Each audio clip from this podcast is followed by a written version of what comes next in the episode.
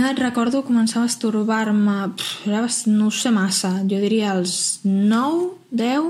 Sí que alguna vegada m'he mirat eh, la vulva al mirall, tot i que haig de dir que amb cert pudor. El tema de la sexualitat a casa no, no es parlava, era un tema mm, bastant tabú, tant la sexualitat com el tema de regla i, vamos, no, no podies fer cap comentari d'aquest tipus. Benvingudes i benvinguts a un nou capítol de l'Elefant. Som la Irene Ramentol i la Laura Sánchez, periodistes. Avui, per arrencar aquest podcast, hem volgut donar veu a dones de diferents generacions perquè narrin en primera persona la seva vivència sobre la sexualitat. 14 o 15 anys, arrel de veure un capítol de la sèrie Sex a Nova York, on tres de les protagonistes li recriminava una a una altra que mai s'havia mirat la vulva ni les seves parts, i aleshores vaig sentir curiositat i ho vaig fer. No sé quan vaig saber que m'agraden les noies, però sí que recordo quan vaig um, intel·lectualitzar el pensament de soc lesbiana. Vaig quedar paralitzada i llavors a partir d'aquí vaig dir, bueno, ok, sí sóc. Sí, sí, he viscut la meva sexualitat amb tabús. Encara ara eh, algun n'hi ha, però sí, sí. A casa meva mai es va parlar de sexualitat i l'únic que recordo així és amb 15 o 16 anys, mons pares dient-me bueno, Sílvia, això és un condó, ja saps per què es fa servir. La primera vegada que em vaig masturbar no me'n recordo bé, però jo suposo que seria sobre els 14 o 15 anys, més o menys. A vegades tinc la sensació de que pensem més en el plaer seu que en el meu, perquè és més ràpid, és més fàcil. Jo em masturbo bastant poc, diria. No és algo en el que pensi molt, sinó que quan em ve i ho sento, ho disfruto, però no, no ho faig molt sovint, la veritat. Tinc joguines sexuals des de que tinc 18 anys, més o menys, i les utilitzo tant sola com amb la meva parella. La meva vida sexual ha canviat des de que sóc mare en la mesura en la que no és tan espontani com era. Des de petites ens van ensenyar a tatxar la nostra sexualitat, a evitar-la, a no mirar-la. Ens van educar amb la idea que aquest no era un espai segur per nosaltres, però això per sort avui està canviant. Volem saber per què durant anys i anys no s'ha parlat del plaer sexual de les dones, dels seus genitals o del seu cicle. I sobretot volem saber què podem fer per retornar la sexualitat femenina a l'espai que li correspon i del qual mai n'hauria d'haver sortit, el de les dones. Benvingudes, benvinguts a un nou capítol de l'Elefant. Avui, sobre sexualitat femenina. Laura, hola. Hola, Irene. Què n'extreu d'aquestes experiències que acabem d'escoltar? Doncs queda clar que després d'haver sentit totes aquestes dones, és evident que hi ha diversitat de realitats sexuals entre totes les dones avui en dia. Les més joves viuen una sexualitat una mica més oberta que les seves mares, però les seves mares també ho fan de les seves àvies. Sembla que a poc a poc ens anem obrint més a experimentar, a parlar i a descobrir què volem i què no en el sexe, no? Sí, sí, hi ha un canvi generacional evident, tot i que també hi ha algunes veus que despunten. Jo ho he notat molt quan parlàvem amb algunes de les meves amigues perquè m'enviessin els àudios. Alguna amb qui tinc més confiança i també conec a la seva mare li deia què et sembla si la teva mare també hi participa, no? I elles em deien, mira, saps què? Et donaré el seu número de telèfon que elles t'envien a tu la seva resposta que jo no en vull saber res. I clar, després parlava amb la mare i em deien ei, no et preocupis, jo sóc molt oberta, si vols, també puc ajudar-te a que les meves amigues et responguin preguntes. Clar, totes les mares obertes a contestar preguntes, no? I, I, bueno, això fa que potser veiem que no només és una cosa de que cada vegada estem més obertes a parlar sobre la nostra sexualitat, sinó que també depèn d'aquelles dones que ens han rodejat durant la vida i ens han ensenyat obertament sobre la sexualitat. Poden ser les nostres mares, les nostres àvies, amigues, cosines, tietes, però també professores, metgeses, perquè al final és també una mica això, quins espais hem viscut cadascuna de nosaltres per desenvolupar la nostra sexualitat. Mm. És que la cultura sexual, quan, quan no ha estat censurada, ha sigut totalment androcèntrica, no? I això ha condicionat de forma brutal, penso, el nostre coneixement i les nostres experiències. Exactament. Per això crec que el primer exercici avui en aquest podcast és preguntar-nos com hem arribat aquí. Què hi ha hagut durant la història de les dones que les ha fet viure amb aquesta part d'elles amagada, qüestionada, invisibilitzada i fins i tot en algunes inexistent? Mm -hmm. Una cosa está clara que es que hasta antes de ayer, o sea, hace un siglo, se pensaba que las mujeres éramos incapaces fisiológicamente hablando de tener un orgasmo. Estamos hablando del siglo XIX, ¿eh? finales. Y esto tiene una repercusión. Por eso decía que es muy moderno, es muy moderno, es muy de, los últimos años, esa, esa noción de sujetos mm, eróticos deseables y deseantes también. Esto es importante. Entonces, la realidad social desde mi lugar, desde el lugar que yo ocupo en el mundo, es que, las mujeres de una generación atrás mm, la mayoría no, no conocen su fisiología, no, no entendían la importancia del clítoris, pensaban que el placer debía tenían que buscarlo en la penetración vaginal y que si no había penetración vaginal no era suficiente. Y de hecho eso sigue aplicando a día de hoy. ¿eh? Ella és la Sònia Encinas, és sexòloga i fa divulgació sobre sexualitat i feminisme. Amb la Sònia parlàvem sobre la importància d'entendre el context sexual que hem viscut, perquè durant la major part de la història de la humanitat, les dones han estat objecte de plaer dels homes. No hem sigut subjectes del sexe i del plaer com ells, sinó que hem ocupat o ens han fet ocupar un rol nul o passiu supeditat al plaer d'ells. Mm -hmm, totalment. Durant segles s'ha establert la idea que el nostre plaer no és prioritari, que no existeix. Però, a més, també s'ha instaurat l'arquetip eròtic de la dona, un arquetip ple d'estereotips que cap dona pot arribar a complir, perquè som diverses i hi ha tants cossos com dones en el món.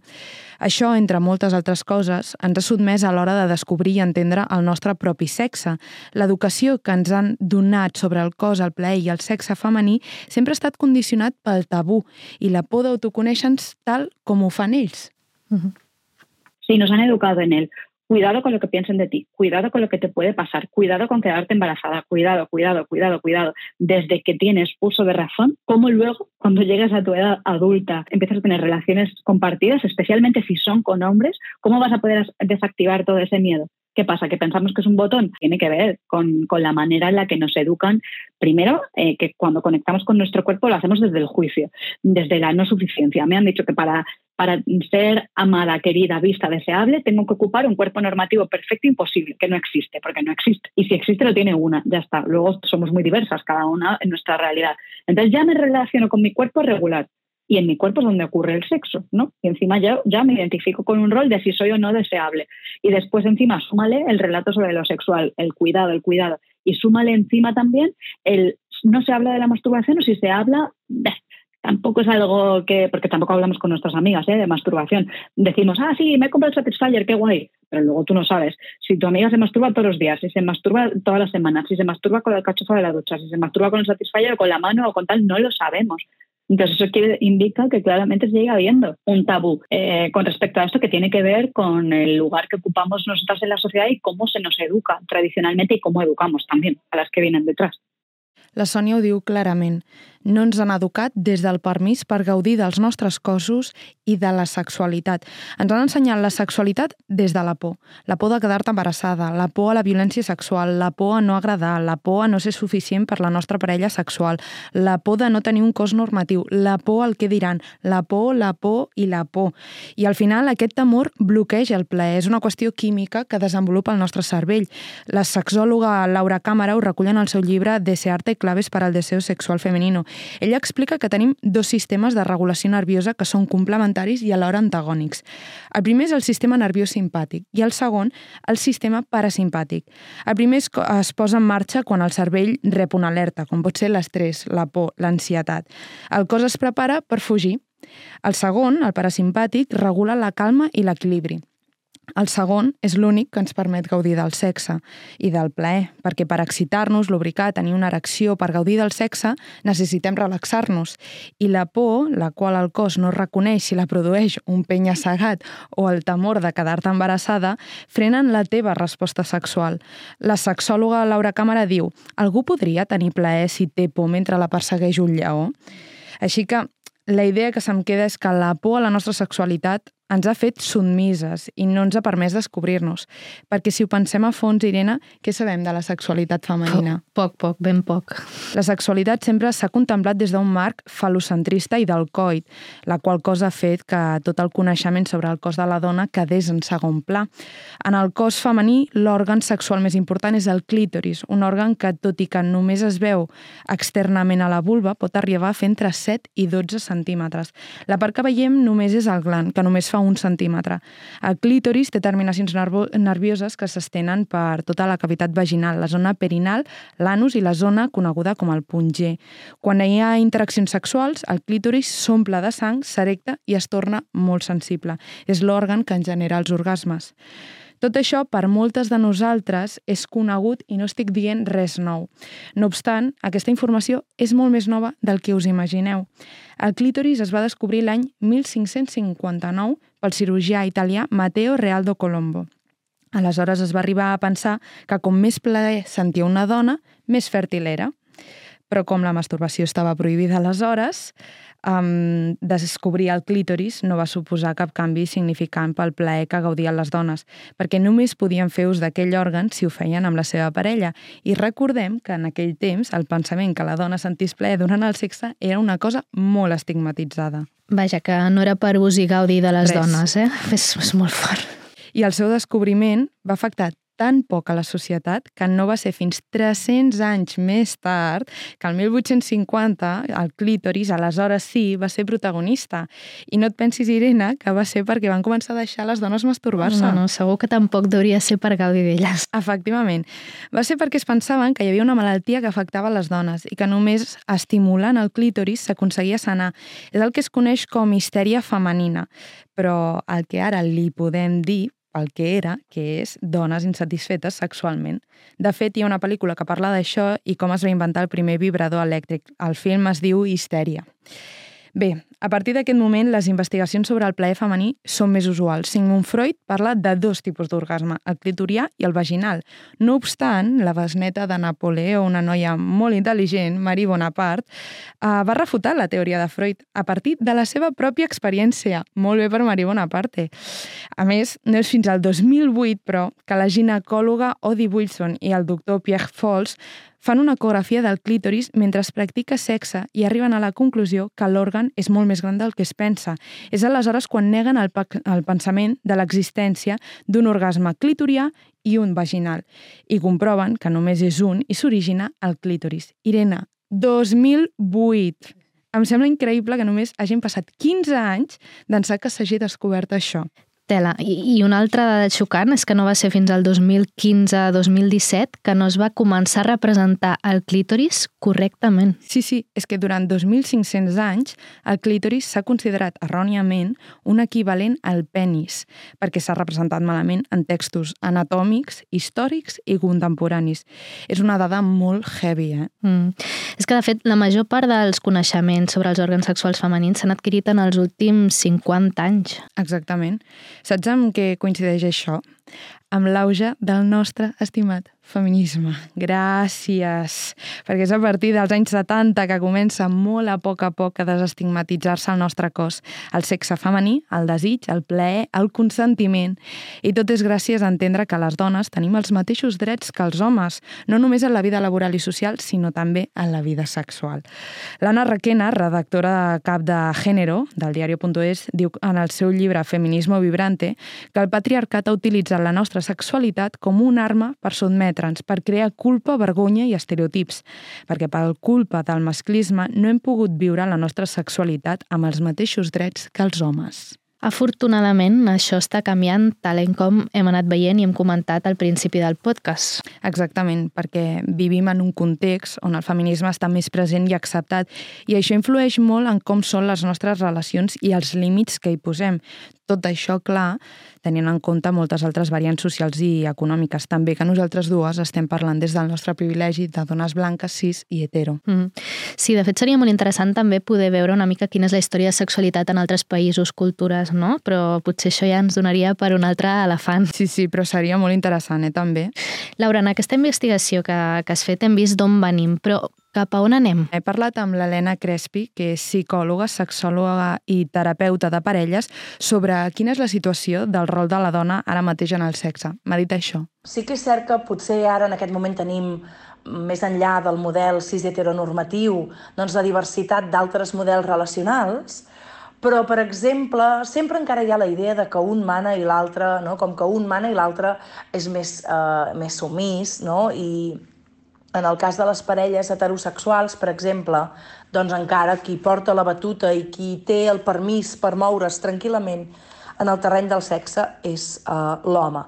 I llavors, a més a més, independentment de l'orientació, de la identitat i del tipus de vinculacions que estableixis, encara ens trobem en un moment en el que la sexualitat que m'apareix és molt masclista, per tant encara ens queda molt per realment vincular-nos bé amb el plaer. L'Helena, amb la seva experiència com a terapeuta de parelles, no ha trobat encara un equilibri en el sexe que mostri que hem deixat enrere aquestes desigualtats sexuals que hem vist durant segles.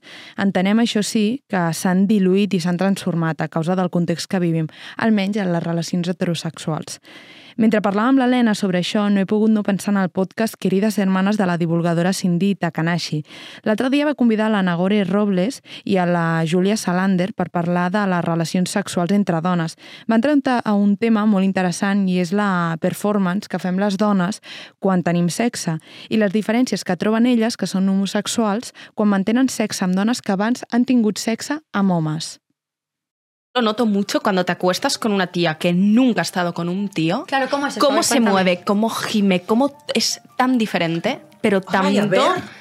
Piénsalo. O sea, tías como que están acostumbradas a follar con hombres, hay toda una performance y hay como unos códigos de conducta de está súper pendiente de las poses que pone, de la mirada, como La todo muy performance. la performance del porno. Tías que solo están con tías, a ver, siempre hay un puntito de performance, pero es súper diferente. Ah, sí, pues ya pondré De- atención. diferente en plan que yo esto lo quiero saber. Sí. En plan diferente. Más en plan- natural, más normal. Sobre todo lo noto mucho en los gemidos. O sea, es como no te estoy haciendo nada. En plan, este gemido es falso. ¿Sabes? Es como que todas hemos aprendido. Siempre hay un puntito de ficción que Sí. añades. Pero es, es el porno, tío. Cuando follas con hombres, yo creo que asimilas, primero que no tenemos educación sexual. Entonces aprendemos a follar en base al porno. Sí. Claro. Entonces lo que ves es lo que imitas, porque no sabes qué coño, o sea, cómo aprendes a hacer eso. Y qué casualidad que al final todas nos movemos igual, todas hacemos lo mismo, es como vale, nuestra escuela ha sido el porno.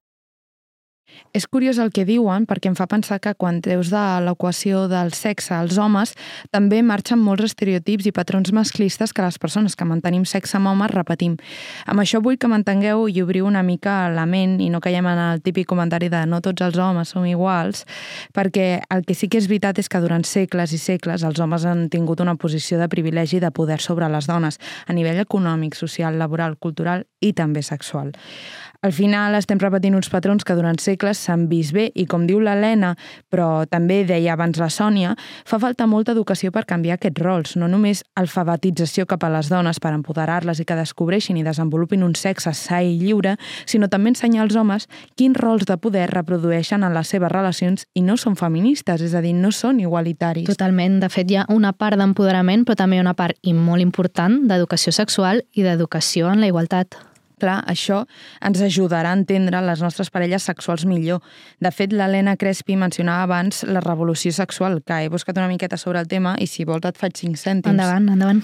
La revolució sexual és un moviment feminista que sorgeix entre els anys 60 i 70 i que lluita justament per l'alliberament de la moral sexual i el creixement de la igualtat entre els gèneres. El moviment tracta sobretot a l'acceptació de les actituds i pràctiques que han estat tabú i, per exemple, podríem parlar de la lluita que han fet per l'avortament, la píndola anticonceptiva, però també per donar altres drets bàsics a la dona com desestigmatitzar l'autoconeixement del cos femení o empoderar-les perquè sàpiguen què volen en el sexe. La Sònia Encinas em va fer una apreciació molt interessant sobre aquest tema. El sistema ha dicho, Esta es, esto es lo guay, tener mucho sexo, eh, eh, decir lo que tú quieres, eh, ser súper consciente de tus gustos, expresarlos, pedir, que es un poco el modelo que han ocupado ellos. Pero es que hay algo más revolucionario todavía, que es, ¿y qué pasa si no lo sé? Es que estamos hablando de que la revolución sexual fue hace nada, o sea, antes de ayer.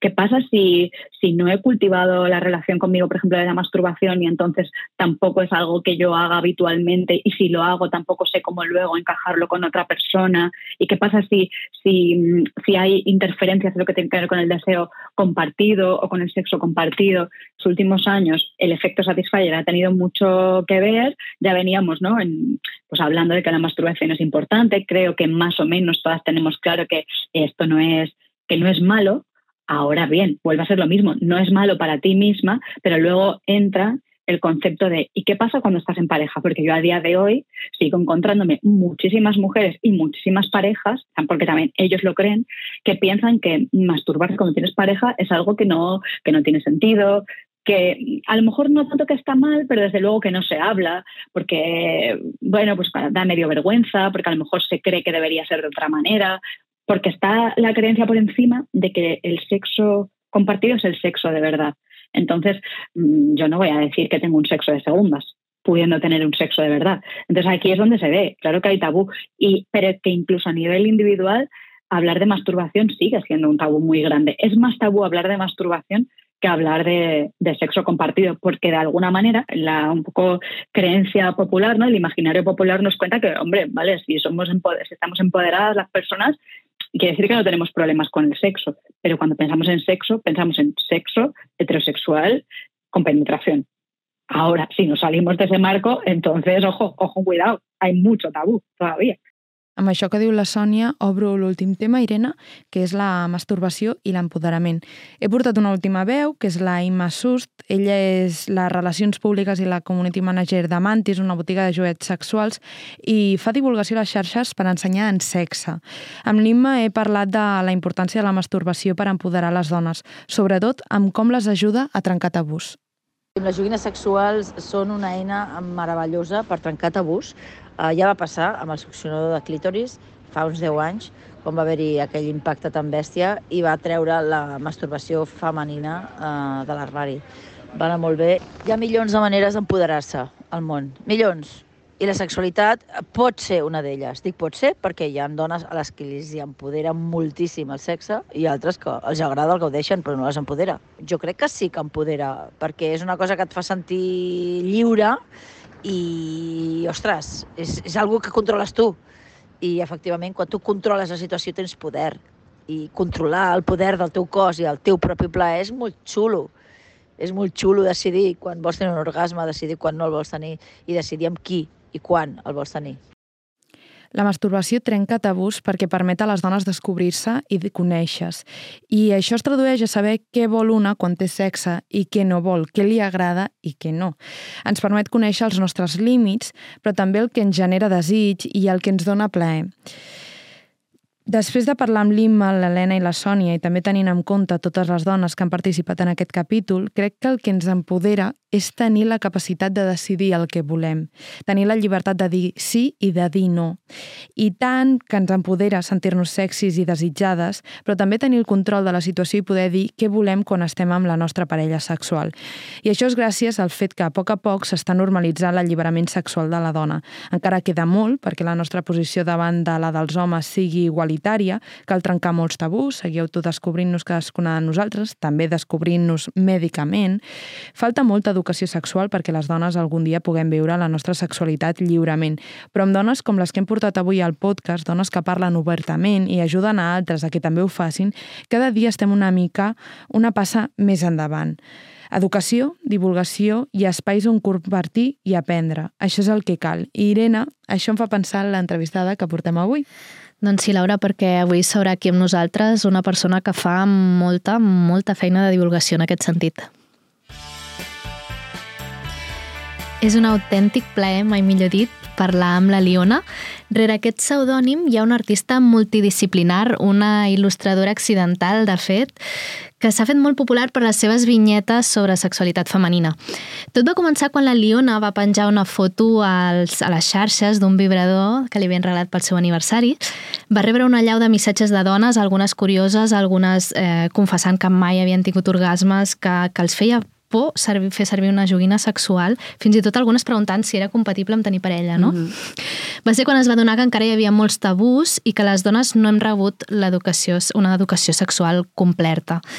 Ella mateixa explica que va descobrir com era el clítoris amb Instagram i es va decidir publicar un manual, un, un llibre, de fet un còmic, um, que es diu Sex O i que ella, mm, on ella explica la seva revolució sexual. És aquest. Hola, Liona, com estàs? Doncs molt bé. Encantada d'estar aquí. He preparat aquesta conversa a partir de les teves vinyetes perquè de fet em semblen fabuloses per poder doncs, eh, ajudar una mica justament a trencar tots aquests tabús no? que, que hem explicat també al, al, al començament amb el que ha explicat la Laura. Mm -hmm. Hi ha hagut sempre la percepció que la sexualitat de la dona és complicada no? i que mm. els homes tenen com més predisposició al desig i al plaer sexual que la dona. Jo he tingut en diverses ocasions aquesta discussió i, i és evident que la sexualitat femenina i masculina són diferents, però que hi ha molts mites per desconeixement també, no?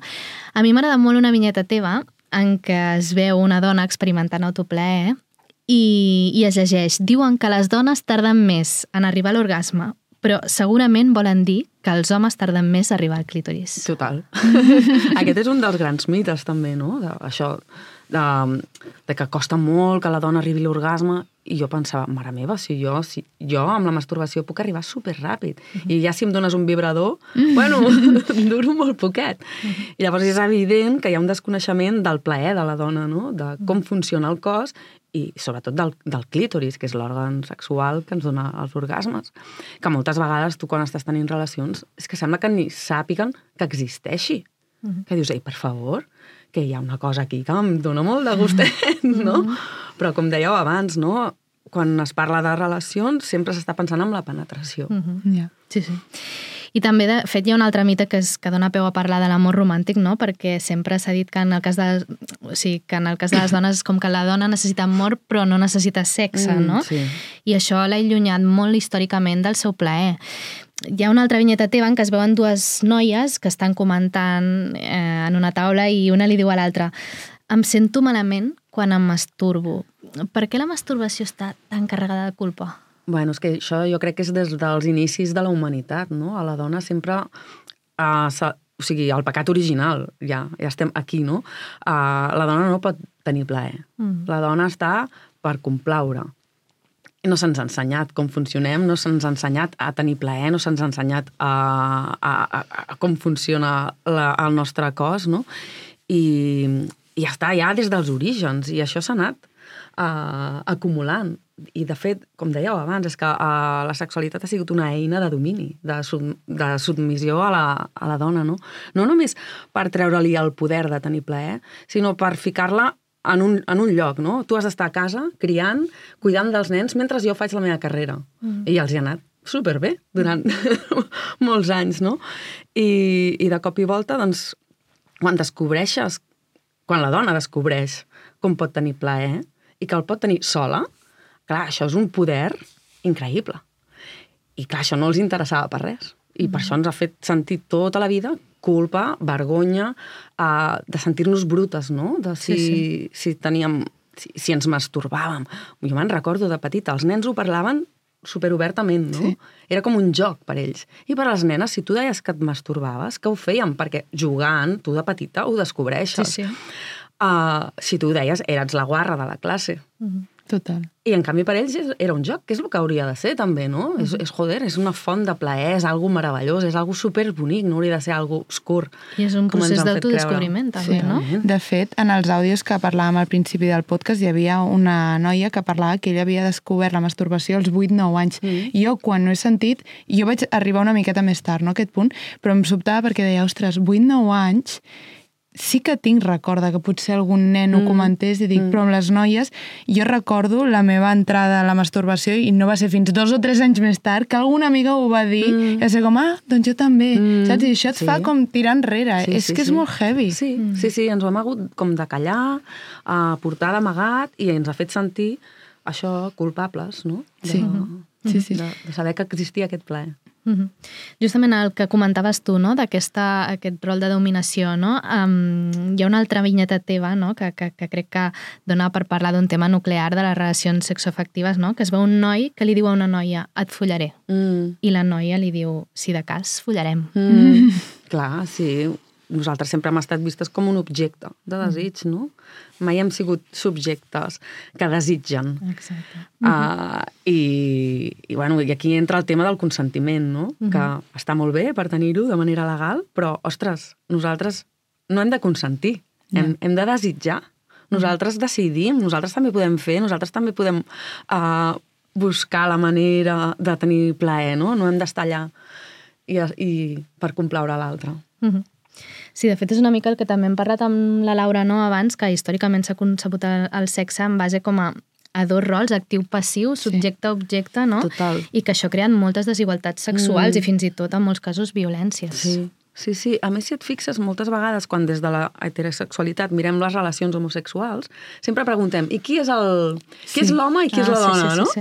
I dius, mm, no, no, no, no, no hi ha aquest, no hi tenen per Clar. què haver aquests rols, no? És que és molt diferent, eh? amb el tros del podcast que havíem parlat mm. de la Cinti Takanashi, a mi em va sobtar molt i mai ho havia pensat, Mm. que és veritat. O sigui, al Mm. final estem acostumades a uns rols, a una performance, Total, i sí. després pues, aquestes dones que mai han tingut un home al llit pues, pues, s'ha lliurat d'aquesta part, i no? són De- més naturals, segurament es, es desenvolupen de manera molt més orgànica, Clar. no? Sense tant tanta performance, tant tabú, tant... Clar. Ai, cuidado, que si em mira des d'aquí baix em veurà la papada, que si, és millor que estigui. Bueno, és que unes coses Ja. no? que, que ens fan no estar gaudint del moment. Total. Mm. Cal molta reeducació sexual. De fet, nosaltres ho tenim molt clar perquè la nostra generació, com dèiem al principi, no, ens van ensenyar més aviat a no mirar la sexualitat, Mm. no? Fins i tot allò de que allò d'allà baix no es pot anomenar, no? Mm. La coseta, la Mm. flor, la patata, Mm. no? Mm. I ara veiem clar que educar a sexual i efectivament eh, permet aprendre a relacionar-se tant amb, a- un, amb una mateixa, no? amb el teu cos, però Mm. també doncs, a, tenir, a tenir, a entendre els teus desitjos, a entendre els teus límits, Mm. a respectar els dels altres, a abraçar la teva orientació, no? totes aquestes coses que són tan necessàries. I això s'aconsegueix també parlant-ne, que, perquè si no se'n parla és com Mm. que no existeix. Exacte.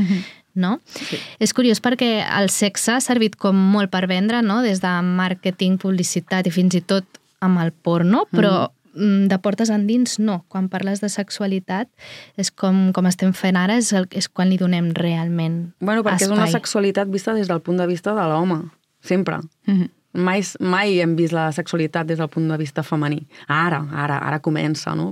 Per exemple, les pel·lícules. Tota la vida, a les pel·lícules normals, eh? no les porno. Mhm. Doncs com hem vist les relacions? Arriba l'home, la tira contra la paret, li baixa les calces i la penetra. I dius, "Oh, hola? O Sí, sigui, sí, sí. jo, jo me'n recordo d'adolescent veure i dir, jo no ho visc així, jo, jo, no, jo no ho veig així. I tota la vida hi ha hagut allò un, de dir, "I per què no, no veig la sexualitat que jo entenc, que jo visc?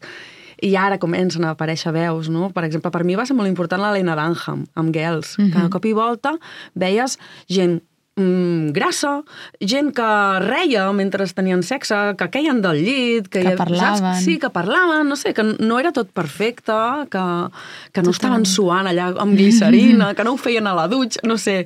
I era com, per fi, un sexe mm, Real. real, no? Real. Sí, sí, de fet, hi ha una il·lustració teva que, que també dona molt per, per una conversa perquè es veu una parella que estan tenint sexe, intentant tenir sexe a la dutxa i diuen, a la pel·li semblava més fàcil, no? Més Clar, senzill. Sí, sí, és que clar, se'ns han marcat uns referents mm. que són com molt uh, idealitzats i, mm, sí. i, i, ostres, i jo trobava a faltar això, veure a algun lloc, doncs això, relacions en les que potser no va bé, uh, que, que te'n pots enriure, que en pots parlar, i ostres, això és super necessari perquè si la gent ho veu dirà, ostres, vale, a mi també em passa això, Clar. no sóc rara. Mm. Ostres, si jo no et gaudeixo de la, de la penetració, no és que em passi alguna cosa, sinó que és normal.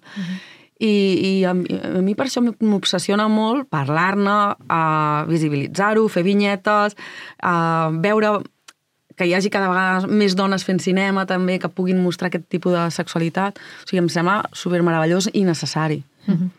Parlem del porno, perquè hi ha una vinyeta teva que és genial, perquè diu aprendre sobre el sexe amb el porno és com aprendre a conduir amb una pel·lícula de Fast Mm, dos Furiós, sí, sí. no? Tal qual. Tal qual. Clar, és com... Tu imagina't, és que els nens d'avui en dia veuen porno amb 9 anys, quan ningú els ha explicat És què és el heavy. sexe. I llavors, clar, aquells nens estan veient allò i és que cortocircuiten. O Clar. sigui, com, com, com pots funcionar tu després d'adult? O sigui, no, no pot ser. Clar. De fet, llegia que, que molts nens després tenen molts problemes a l'hora de tenir relacions perquè estan acostumats a masturbar-se amb el porno, que té un cert ritme, i, i després a la vida real, doncs clar, no els excita el que està passant. I tenen molts problemes. I, i dius, clar, és que a veure, com, com els hi pot anar bé? Si abans ningú els hi ha explicat. És que no els hi ha explicat Ja. ningú. Sí, sí. I el primer que veuen és allò, que a més hi ha conductes violentes, conductes de, de dominació, conductes agressives, i entenen que el sexe ha de ser això. Uf, clar, és, un, és un drama. Sí, sí. Les referències són dolentes. Sí, sí. aquestes sí. Clar, vull, eh, jo penso que si abans algú t'ha educat, t'ha explicat... Sí, Tens una mirada crítica, no? Clar, dius, Potser. bueno, vale, això és exagerat. Exacte, Però clar, si no, ho Però veus quan i el dius... teu primer impacte, no? El teu primer Clar. referent en sexe és, és horrible. això. Clar. És horrible. Maternitat i sexe és un Mm. meló molt gran per obrir-lo ara. tu que ets mare, però sí que hi ha una por com molt present en les parelles amb criatures, que és que cada que a vegades, per qüestions fisiològiques del postpart, de la Sí. lactància, doncs, um, o per la mateixa càrrega mental també, Mm, no?, de la sí. criança, Uh, hi ha períodes en què el sexe queda en segon o ultimíssim Totalment. pla, no? Sí. I, mm, I eh, llavors, eh, clar, això eh, acaba sent molta pressió per la dona, no? Mm. Per què costa tant dir no em ve de gust tenir sexe, no? Sense que això acabi retornant en forma de culpa o por per estar posant en perill la relació, mm. per Mm. exemple?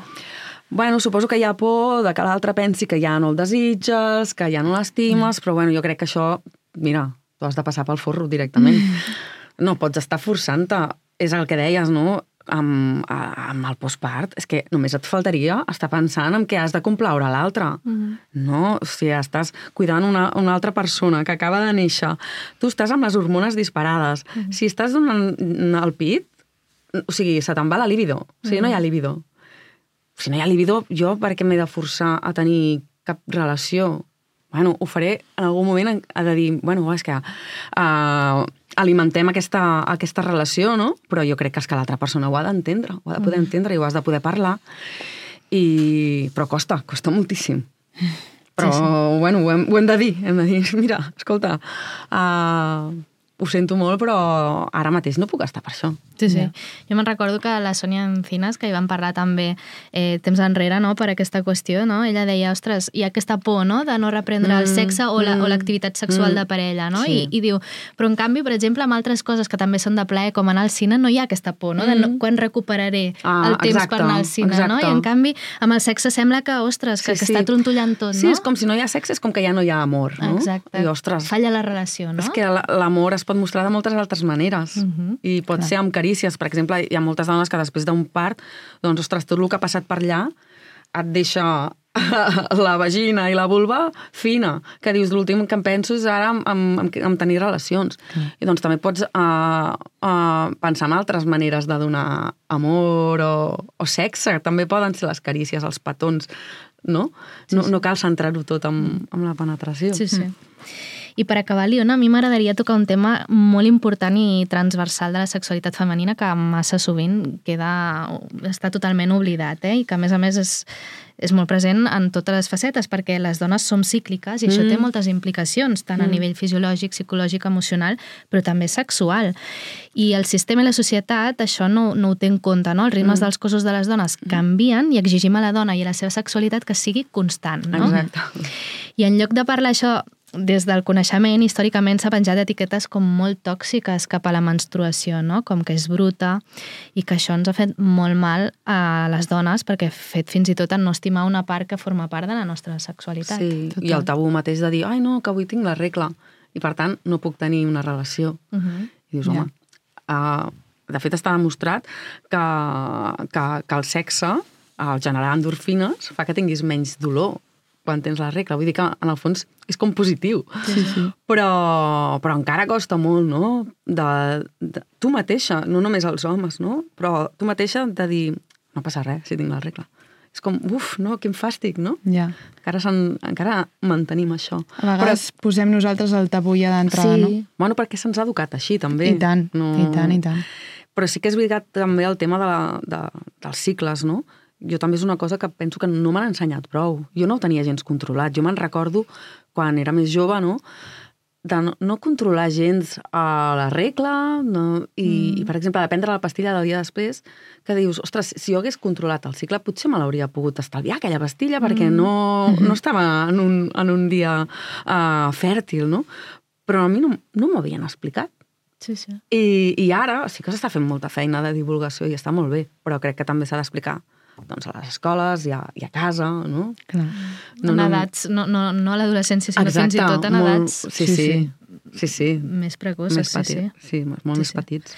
Doncs moltíssimes gràcies, Liona. La veritat és que crec que ha sigut una conversa molt necessària, justament pel que m'ha estat explicant durant tot el podcast, no? que, que esperem que serveixi una mica per retornar la sexualitat femenina a qui correspon i al lloc on hauria d'estar, no? que és el de les dones. Moltíssimes gràcies i a tothom, a totes i totes vosaltres que ens heu seguit avui un cop més a l'Elefant. Moltes gràcies també i fins al proper capítol. Una abraçada.